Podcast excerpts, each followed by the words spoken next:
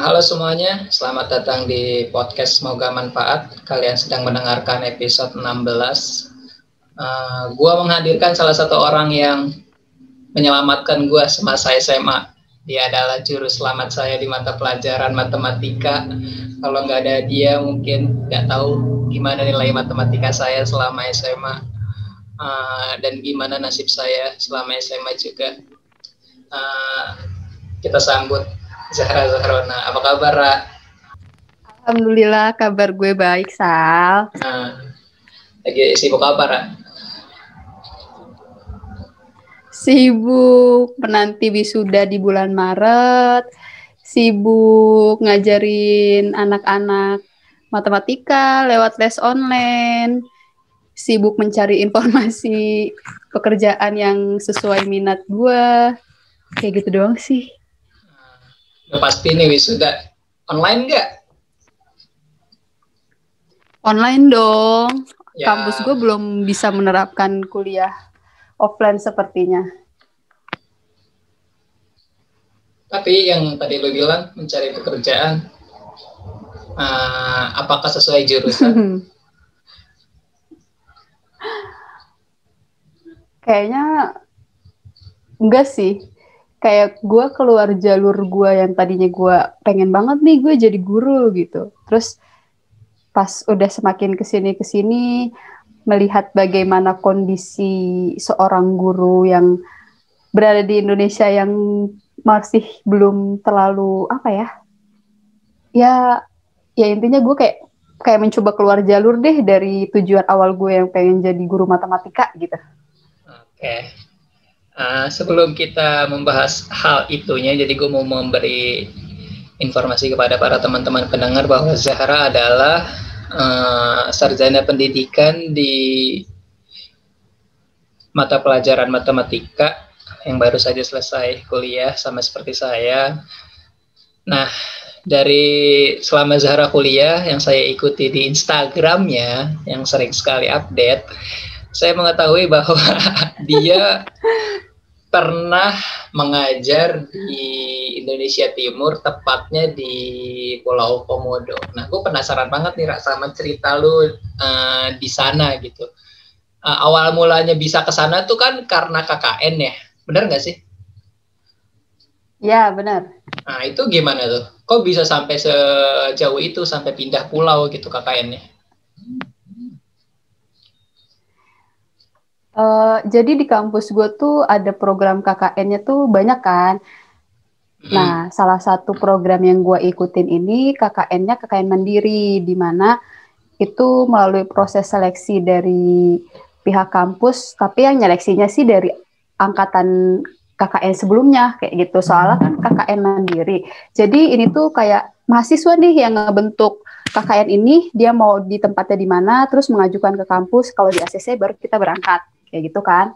Mm-hmm. Nah, akhirnya waktu itu kan semester 6 ya, kita kayak aduh, semakin kita harus mencari-cari informasi, benar-benar mencari apa ya hal apa ya yang bakal gue lakuin ke depannya karena kita kan di semester 7 ini benar-benar pengabdian gitu kan benar-benar kita terjun ke lapangan buat apa yang kita lakukan lah selama di kampus kayak gitu terus akhirnya suatu hari ada suatu akun Instagram yang follow gue tuh saat gue saat saat lagi bingung gitu. Kayak gue mau ikut apa? gitu. Tadinya sih gue mau ikut uh, eh, PP programnya itu PPL dan KKN internasional. Biasanya itu yang ke, ke luar negeri kan. Tapi pas saat itu kayak aduh belum yakin nih cari info lain deh. Eh taunya suatu hari gue di follow tuh sama akun Instagram KKN Mandiri ke Pulau Komodo gitu. Terus pas gue cari-cari info oh dia lagi mau buka pendaftaran gitu. Udah deh gue coba daftar di sini kayak gitu. Kayaknya asik gitu buat karena emang gue lebih senang kan emang dari awal kuliah juga gue kayak ih gue lebih senang terjun ke pengabdian nih ke pengabdian masyarakat kayak gitu. Terus gue merasa oh ini sesuai minat gue jadi gue daftar ikut KKN mandirinya kayak gitu sih awalnya. Oh jadi dari pihak alumni yang mengadakan bukan dari kampusnya gitu Gimana? Yang mengadakan KKN ke luar pulau itu alumni. Bukan, eh jadi cutting gue deng, maksudnya cutting oh, gue gitu. Jadi Uh, uh, itu tuh awal mulanya angkatan 15, gue kan angkatan 16 nih. Jadi angkatan hmm. 15 dia mengajukan ke kampus, gue mau ke KN Mandiri gitu, ke Pulau Komodo melalui segala proses gitu dengan ngajuin surat persetujuan ke kampus, ke Taman Nasional di Komodonya juga kayak gitu. Jadinya akhirnya bisa berangkat dan karena emang ini suatu hal yang bagus buat program ke depannya, jadinya uh, cutting gue tuh bikin oprek buat periode-periode selanjutnya kayak gitu. Nah, uh, tujuan asli lu ke Komodo apa? Gue yakin nggak cuma pengabdian. Tujuan gue sih emang pengen, gue pengen kan namanya KKN gitu ya, kan KKN itu suatu pengabdian gitu. Mm -hmm. Jadi gue pengen bener-bener merasakan pengabdian yang bener-bener ya dengan kondisi yang gue tuh merasa gue merasa apa ya namanya juga di daerah uh, daerah yang masuk yang pedalaman kayak gitu kan yang sulit akses jadi kan benar-benar gue merasakan perjuangan buat masuk ke sana ke desanya. Gue benar-benar melakukan program-program yang emang benar-benar ya gue gue maunya tuh program gue tuh bisa benar-benar bermanfaat gitu di sana kayak gitu kak. Ya gitu sih.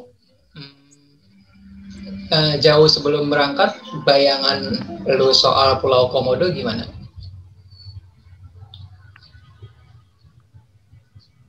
Gue ngebayanginnya tuh kan di sana listrik cuma 12 jam ya kayak aduh gue bener-bener harus mempersiapkan nih harus punya hal-hal yang terstruktur gitu kayak bagaimana gua nyetrika baju, nyuci baju, ngecas HP, kegiatan-kegiatan gua, pokoknya apa hal-hal yang hal-hal yang berhubungan dengan listrik itu gue harus tahu nih apa aja kayak gitu. Kayak gue lebih banyak paniknya sih gitu. Terus juga di sana uh, sumber makanan gitu kan semuanya serba mahal ya di sana karena emang dari bener-bener desa itu kan untuk ke suatu kota eh, ke Labuan Bajo itu kan harus naik kapal dulu gitu dari 3 sampai 5 jaman baru nyampe ke tempat yang bisa kita belanja kebutuhan sehari-hari kayak gitu kan. Jadi yang ada di sana kan nggak selengkap yang ada di Labuan Bajo gitu. Jadi gue ya ekspektasi gue tuh kayak gue harus mempersiapkan banyak hal kayak makanan gue, terus juga apa aja yang misalnya kayak gue mau nyuci, mau ini, mau itu, gue bener-bener bawa dari Semarang saat itu gitu. Karena gue berpikir kayaknya gue nggak bakal menemukan ini di sana gitu. Terus juga gue bakalan gue bakalan hidup nih nanti sama komodo di sana kayak gitu kan.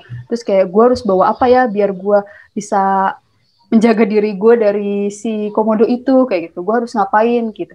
Kayak gue lebih banyak ke hal-hal yang kepanikannya aja sih. Tapi pas udah di sana ternyata ya nggak semenyeramkan yang gue pikirkan pada saat itu kayak gitu sama kayak gue sebelum berangkat KKN yang lebih dipikirin bukan rakyat sananya tapi diri sendirinya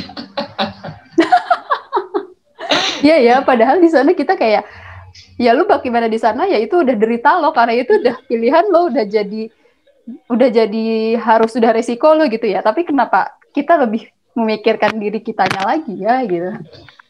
Kan sampai nih di sana. Terus kan pasti ya. langsung melihat keadaan nyatanya gitu kan. Yang terlintas di benak lo apa? Gitu. Apakah ya. penyesalan? Apakah rasa ingin berjuang sangat gitu gue merasa saat itu kayak wow gue terdampar di mana nih? Kayak gitu. Gila. Kok bisa ya ada desa di tempat yang terpencil kayak gini gitu? Kayak kok bisa ya orang hidup di tempat se seperti ini? Kayak gitu. Bener-bener kayak ya jauh banget gitu dari kata layak gitu. Kayak dari yang gue temuin di kota-kota ya kayak hidup gue yang di Bekasi, hidup gue yang di Semarang gitu, semua serba ada, semua gampang buat cari gitu, gue mau apa gue bisa dapetin gitu. Di sana tuh bener-bener wow, mobil jangankan mobil motor aja tuh kayak sangat-sangat paling cuma orang-orang yang benar-benar kaya gitu yang dia punya motor paling itu cuma ada beberapa benar-benar beberapa orang lah gitu. Kayak TV aja benar-benar nggak sangat-sangat sedikit yang punya gitu. Udah lagi harus mandi ke sumur kayak gitu. Wow, ini gue benar-benar kembali ke zaman purba sepertinya gitu. Terus kalian tinggal di mana? Gitu sih. Waktu itu gue sewa rumah sih, rumahnya yang ada pen, apa bapak-bapak di situ kan sebelumnya. Jadi tuh uh, yang angkatan sebelumnya itu KKN jadi salah satu anggotanya tuh ada yang orang komodo gitu kan. Nah, jadi tuh kayak kita mempermudah komunikasinya ya lewat beliau. Terus jadi beliau yang menghubungkan kayak kita butuh apa di sana, kita butuh tempat tinggal.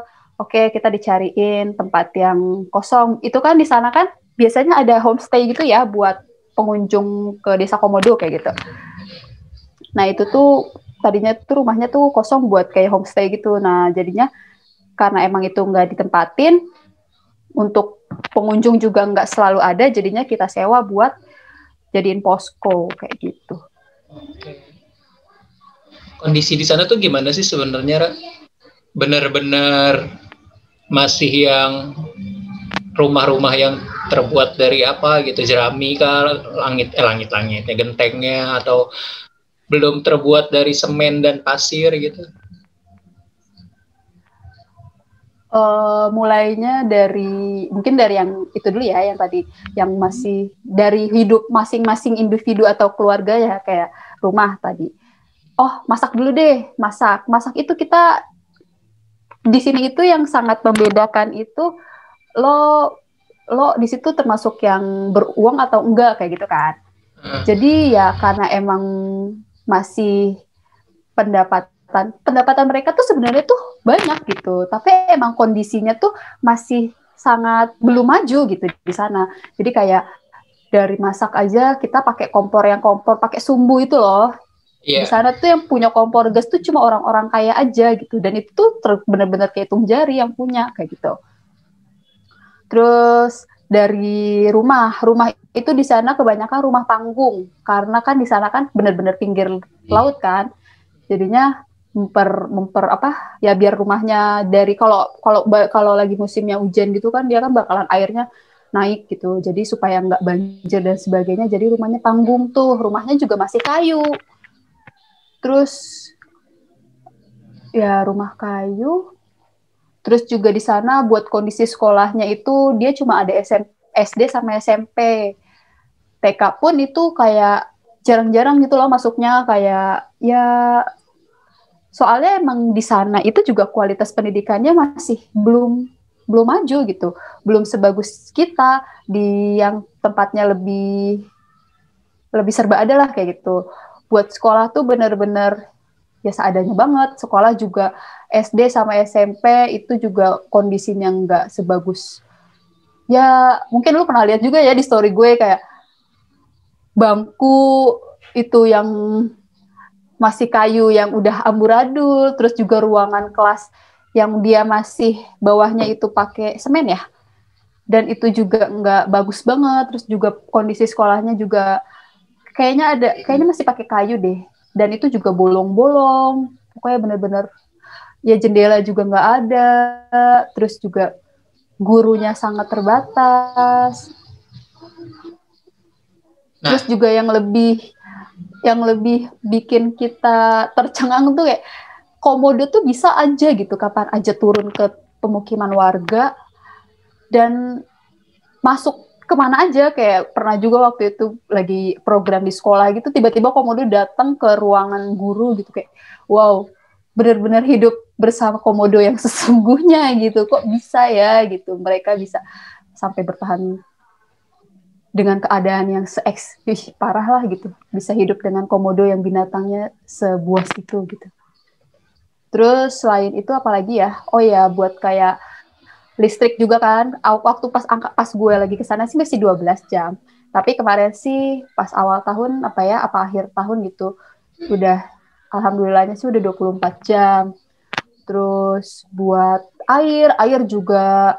Itu kita tuh di sana airnya beli waktu itu jadi tuh biasanya uh, bisa per liter atau bisa per sepenuhnya kolam kayak gitu. jadi ya di sana serba serba serba butuh uang gitu buat apa-apanya. Serba kebutuhannya yang mahal. Kalau emang mau air gratis ya lu mandi atau nyuci atau semua yang berhubungan dengan air ya lu ke kali. Eh ke kali. Ke sumur maksudnya nggak ada kali di sana adanya. Eh ada deh sungai tapi nggak ada airnya kayak gitu sih kebanyakan. Terus apa lagi ya? Uh, eh, gue nggak dengar cerita soal sekolah tadi atau lingkungan pendidikannya di sana tuh sama nggak usah jauh-jauh ke Komodo berarti. Salah satu tempat KKN gue kemarin kan gue juga menghampiri sekolah-sekolah yang ada ya. Sama sih kalau tadi yang lu sebutin ya. Uh, pertama ada satu ruangan yang dibagi menjadi untuk dua kelas. Jadi satu ruangan gitu, satu ruangan kelas yang seharusnya dipakai untuk satu kelas dipakai menjadi dua kelas. Kayak di di apa sih? Enggak enggak enggak ditirai, tapi uh, diubah posisi duduknya aja. Yang kelas satu menghadap ke barat, wow. yang kelas dua menghadap ke timur terus juga terus nggak ada nggak ada bilang ngajarnya gimana itu coy ganti-gantian ngajarnya jadi misalkan nih uh, eh, 15 menit pertama guru kelas satu dulu yang ngomong tergantian baru 15 menit kedua guru kelas 2 yang ngomong. Ya bayangin aja misalkan yang satu lagi belajar gila gila gila. belajar pendidikan agama yang satu lagi belajar matematika gitu kan repot gitu. Sumpah itu fokus gue nggak bakalan ada sih kalau belajar kayak gitu. Gue bisa belajar dua pelajaran dalam satu waktu berarti kayak gitu. Gila ya. Lu kakak yang di mana sah? Di sebelah sebelah Bekasi lah, sebelah Bekasi tau kan. Oh. Gue takut gue takut nyebutnya. Oh Bekasi juga masih ada ya ternyata. Sebelahnya sebelah Bekasi. Oh oh oh nggak tahu deh. Ya, oh maksudnya sebelah ke, kota Bekasi. Uh, uh, sebelah sebelah, Bekasi. ya, ya ya ya ya. Kayaknya gue tahu, kayaknya gue tahu. Terus uh, terus terus masuk jam 8, pulang jam 11 untuk semua kelas. Saya tanya kan ya, Pak, kenapa pulangnya kok cepet banget gitu kan? Itu SD. SD ini SD gitu kan. Terus uh, rumah anak sini jauh-jauh deh, gitu kan Nah, mereka semua jalan kaki, nggak ada yang dijemput orang tua. Tapi emang kenyataannya kayak gitu, jauh-jauh gitu. Ya, lumayan sih kalau dilihat, eh kalau ditanya ke anaknya gitu ya, rumah kamu di mana gitu kan di sana. Kok wah iya sih kalau jalan kaki mah emang uh, lumayan gitu. Dan apa ya, gue juga waktu ke sana miris aja gitu, Ra uh, di sebelah sini begini, di sebelah sana tuh sekolah bertingkat-tingkat gitu kayak kenapa bisa sejomplang ini padahal jarak dari satu tempat ke tempat yang lain cuma beberapa jam gitu. Tapi sekolahnya sama-sama negeri nggak? Sama, sama-sama negeri gitu. Wow, itulah yang bikin kita tercengang dengan kondisi pendidikan di Indonesia. Nah, uh, kalau kita mulai masuk ke program lu, lu mengambil program apa atau membentuk program apa? Apakah mengajar? Ya, waktu itu di KKN gue masuk divisi pendidikan tuh. Jadi program gue, gue tuh bikin kelas inspirasi gitu loh. Kayak gue memperkenalkan berbagai jenis cita-cita. Karena itu gue, kesasaran gue anak SD ya kan kita sambil kayak seru-seruan gitu gitu. Terus akhirnya gue dapet program kelas inspirasi gue memperkenalkan berbagai profesi yang ada di Indonesia yang ada di kehidupan kita gitu kan. Karena kan uh, ya mereka wawasan mereka ya karena mereka juga nggak ada TV buat dia tahu oh ternyata ada ini ya pekerjaan oh ternyata seluas ini ya gitu kita tuh bisa menjadi ini ini ini gitu. Tapi kan kalau anak SD gitu kan kebanyakan kayak taunya polisi lagi, taunya guru lagi, dokter lagi, cuma kayak gitu kan. Ya udah jadinya gue mencoba mengenalkan itu profesi-profesi sambil main-main sama mereka kayak gitu sih. kalau program yang dipegang sama gue cuma itu soalnya kan masing-masing anak kan biasanya cuma megang satu-satu kan. Dan kebetulan itu. Emang uh, mindset anak-anak sana gimana apakah setelah lulus kerja aja gitu? Ataukah setelah lulus menikah kan Uh, pertama Aja ya deh, mungkin anak-anak dan remaja sangat gitu. sangat sangat kaget sih kenapa? Uh, di sana tuh buat anak-anak itu banyak yang bisa dibilang tuh kasar gitu loh. Hmm. kasar secara verbal maupun kelakuannya gitu. Terus juga emang guru pun di sana mendidiknya tuh dengan kasar gitu. Kayak aduh ini boleh gak sih ngomong kayak gini ya kadang maksudnya ada hal-hal yang kasarnya gitu dalam mendidik mereka. Karena mereka itu nggak bisa cuma diomongin sama guru gitu. Kan emang harus kita tuh bener-bener pakai main tangan gitu buat biar mereka tuh biar mereka tuh nurut sama kita gitu. Kayak upacara itu bener-bener hal yang sangat sulit dilakukan gitu. Bener-bener butuh waktu lama banget buat bikin semuanya tuh bener-bener rapi gitu. Harus bener-bener disentil dulu lah apa di apa ya gitu ya ditoyong kepalanya gitu biar mereka tuh bener-bener rapi kayak gitu terus juga karena emang SMA-nya itu atau SMK-nya harus ke Labuan Bajo, nggak ada di Komodo, jadi ya apalagi juga kan harus bayar ya. Hmm. Kalau yang misalnya nggak negeri gitu.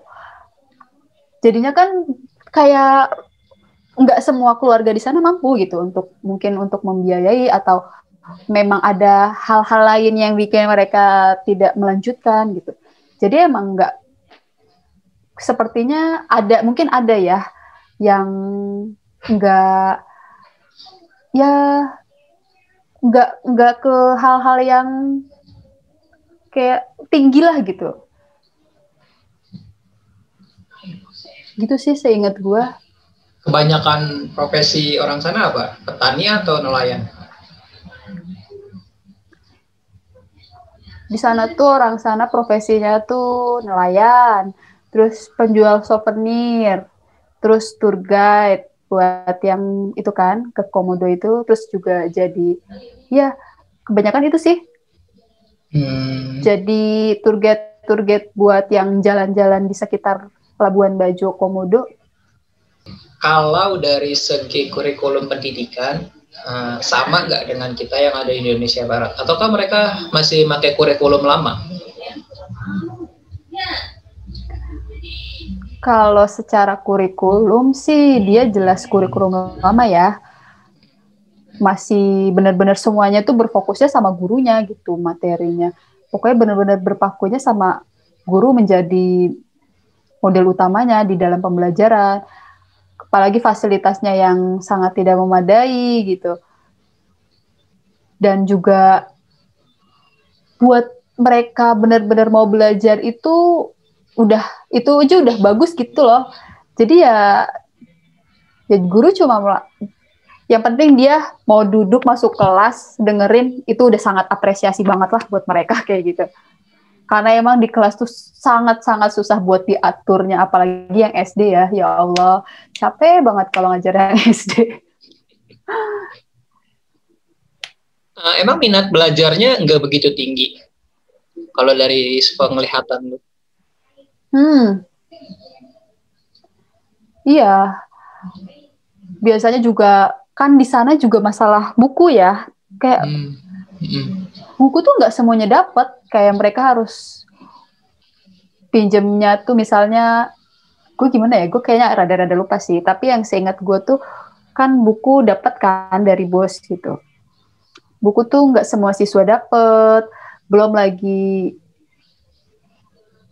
ya jadi dari masalah buku aja tuh kayak udah bikin mereka tuh ya belajar benar-benar seadanya yang ada di kelas aja yang guru kasih gitu buat dia di rumah ngerjain apa-apa kayak gitu ya itu udah di luar kemampuan kita gitu.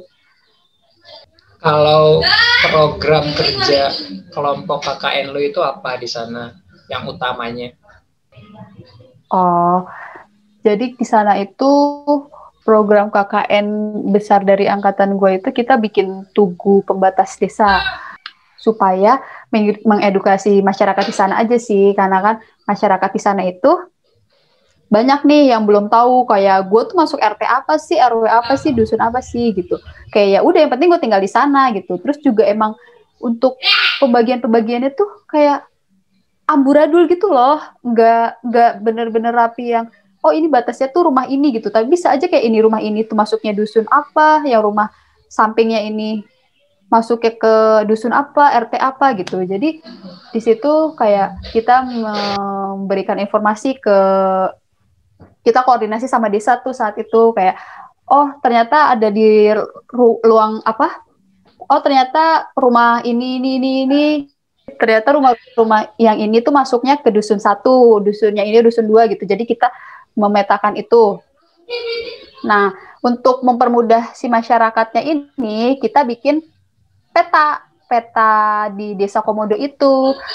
Oh ini tuh ada ada daerah ini ini gue ada beberapa dusun, beberapa RT dan RW, kemudian ya kita bikin peta juga lah dari kondisi di sananya gitu, di desa Komodonya dan terus udah gitu yang bentuk nyatanya ya kita bikin si tugu pembatas dusun itu gitu. Terus udah gitu juga kita bikin buku sejarah di desa Komodo. Itu buku buku sejarahnya itu tuh kan emang selama di Komodo itu kan dia kan punya cerita di masa lalunya sendiri gitu kan sejarahnya bisa ada desa komodo itu gitu. Tapi itu nggak ada yang bakunya gitu loh karena mereka tuh ada lima kepala suku yang di mana kelimanya itu tuh punya berbagai cerita yang menurut versinya masing-masing kayak gitu. Jadi di situ kayak kita kumpul sama kepala sukunya terus kita meng ah gimana nih cerita yang emang sebenarnya baku supaya bisa menjadikan informasi buat para pengunjung-pengunjung di Desa Komodo kayak gitu supaya kita memberikan informasi sejarah juga ke Desa Komodonya gitu. Terus akhirnya kita bikin buku sejarah, pasang pamflet juga di depan uh, apa dermaga yang buat masuknya gitu supaya itu juga kayak jadi poin plus buat para wisatawan lah saat masuk itu. Dia tahu nih oh gue bisa baca sejarahnya di desa ini juga nih kayak gitu. Nggak cuma melulu kita cuma tahu komodonya tapi kita nggak tahu sejarahnya seperti apa kayak gitu. Itu sih Keren. Nah, emang hmm, sambutan warga sana gimana ke kalian? Mereka tuh seneng banget ya kalau ada yang datang gitu ke desa. Soalnya ya mereka kan hidupnya cuma sama orang itu-itu lagi ya dan dengan orang yang sangat sedikit di desa itu cuma ada sekitar seribu orang kayaknya kalau nggak salah ya.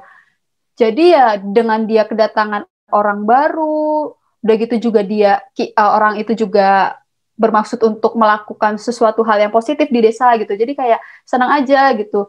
Ada tamu di desanya, disambut baik, terus juga sering banget lah gitu kalau lagi keliling-keliling kita ditawarin makan, dimasakin ini itu, disuruh nginep di rumahnya kayak gitu. Kayak benar-benar ngerasa wow, bisa ya mereka sepercaya dan serama itu sama kami yang baru datang menginjakan kaki di sini yang nggak pernah kenal sebelumnya kayak gitu. Cuma emang rada susahnya sih kalau sama yang lebih lebih agak tua ya. Soalnya kayak di sana kan punya bahasa sendiri, bahasa Komodo. Dan jadi mereka tuh yang udah berumur kayak gitu tuh nggak bisa bahasa Indonesia gitu.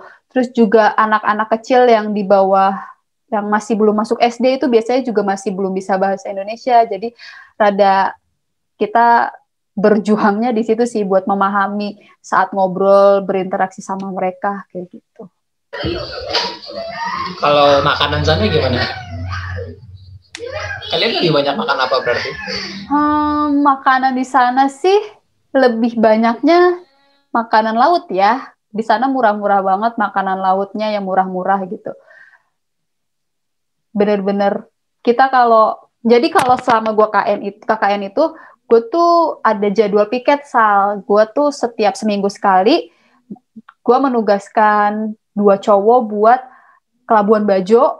Itu tuh buat kita belanja dapur ataupun kita bisa butuh barang-barang apa nih buat program kita. Nah itu tuh seminggu sekali kita eh dua orang itu ke Bajo buat belanja. Dan itu tuh cowok soalnya di sana kan kita saat ke Labuan Bajunya itu harus nginep karena nggak ada kapal buat balik lagi kayak gitu.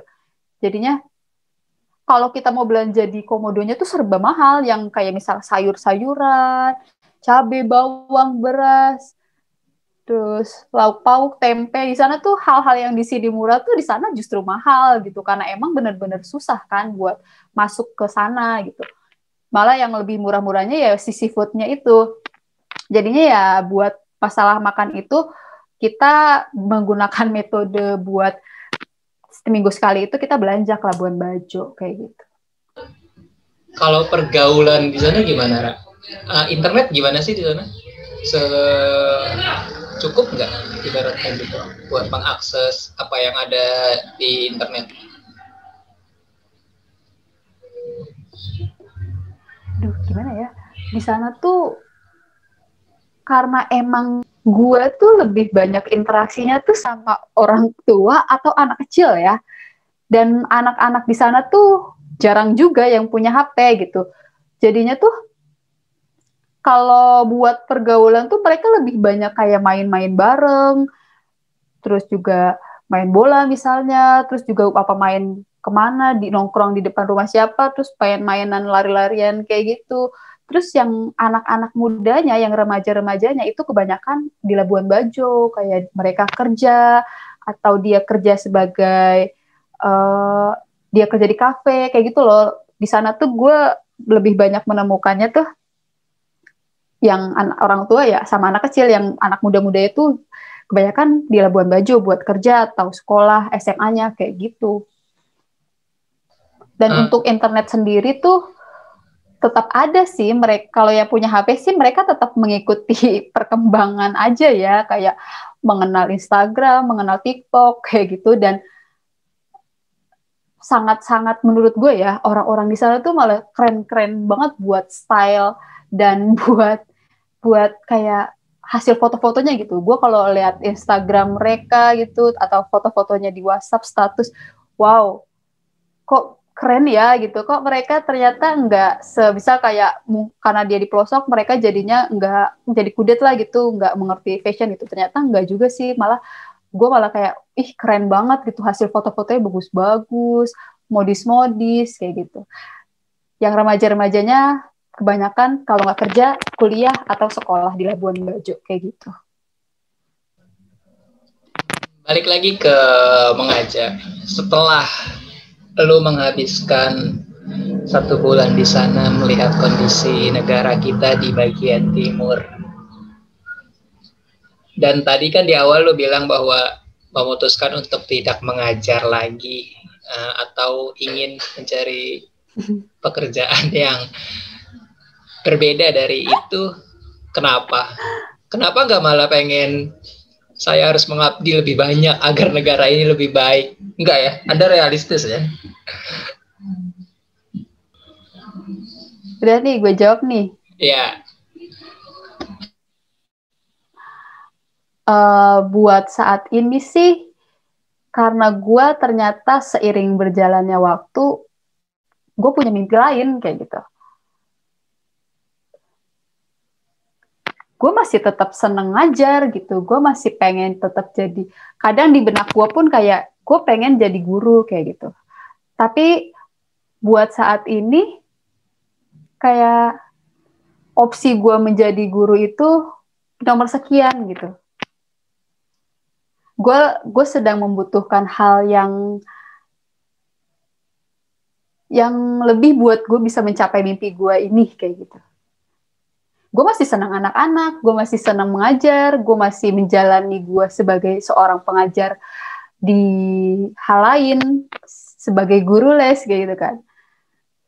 Tapi untuk mengajar di sekolah itu masih jadi pertimbangan sih. Dan ya emang dari awal gue juga mikir kayak, oh, jadi seorang guru tuh ilmunya bermanfaat gitu juga gue harus mengubah mindset orang-orang tentang guru matematika, tentang pelajaran matematika yang tidak menyenangkan kayak gitu.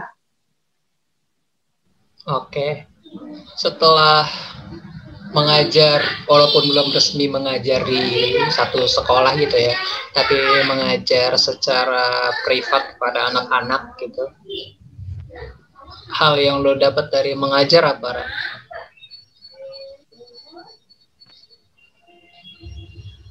Hmm, hal yang pertama kali gue dapetin sih senengnya ya.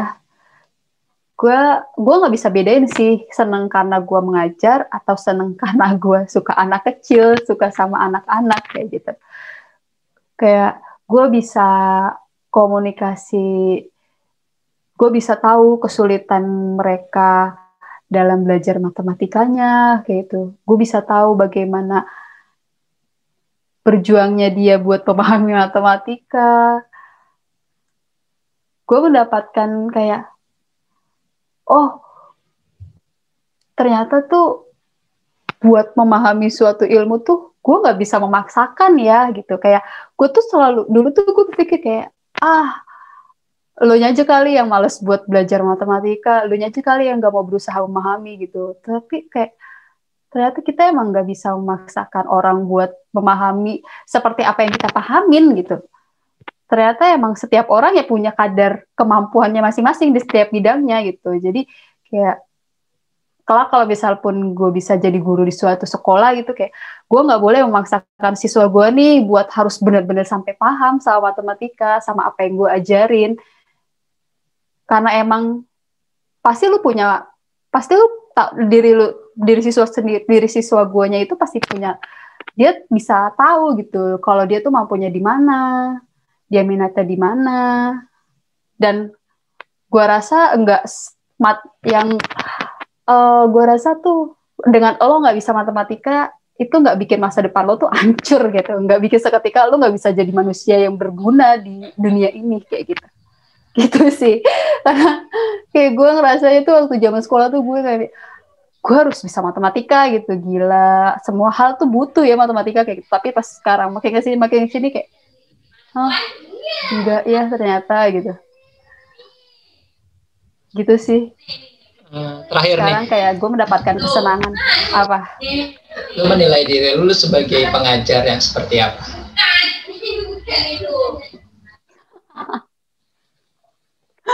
Aduh ini susah banget sih pertanyaannya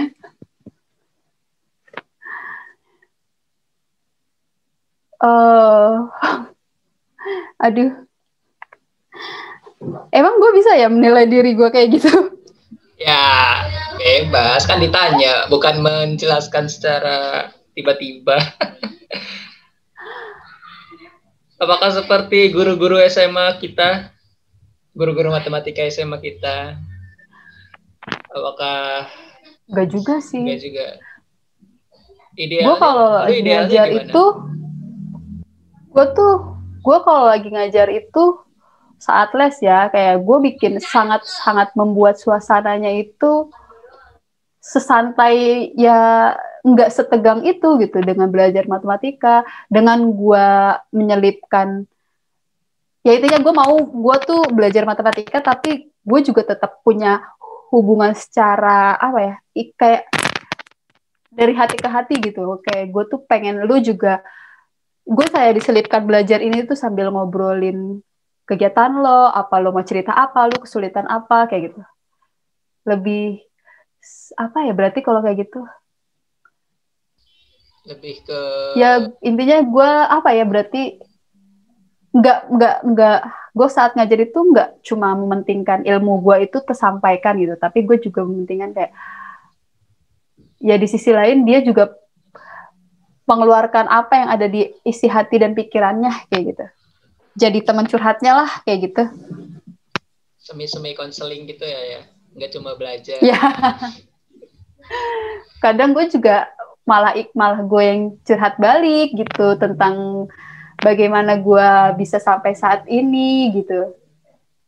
Hmm. karena banyak sih yang kayak setiap gue ngelesin tuh mempertanyakan kayak kok Mbak Ara mau sih ambil matematika gitu, kok Mbak Ara bisa sih di matematika? Kayak gitu. Kayak, gue juga waktu sekolah nggak sepintar itu coy gitu. Kayak dalam hati gue gila ternyata tuh kalau kita udah sedewasa eh setua ini tuh kayak orang menilai kita tuh kayak kita terlalu expert banget gitu ya di suatu bidang ini karena gue ada di bidang ini. Padahal ya gue juga sama kayak lo kayak gitu. Dulu juga gue nggak ya memahami matematika sesulit ini gitu gitu sih kayak gue senang aja gitu kalau bikin siswa gue tuh nggak berpikir kalau matematika itu harus lo kuasain gitu supaya lo bisa hidup lo tuh bisa baik berjalan mulus dalam hal karir di ke depannya kayak gitu. Kebanyakan anak-anak yang dilesin sama itu kemauan orang tuanya atau kemauan anaknya sih?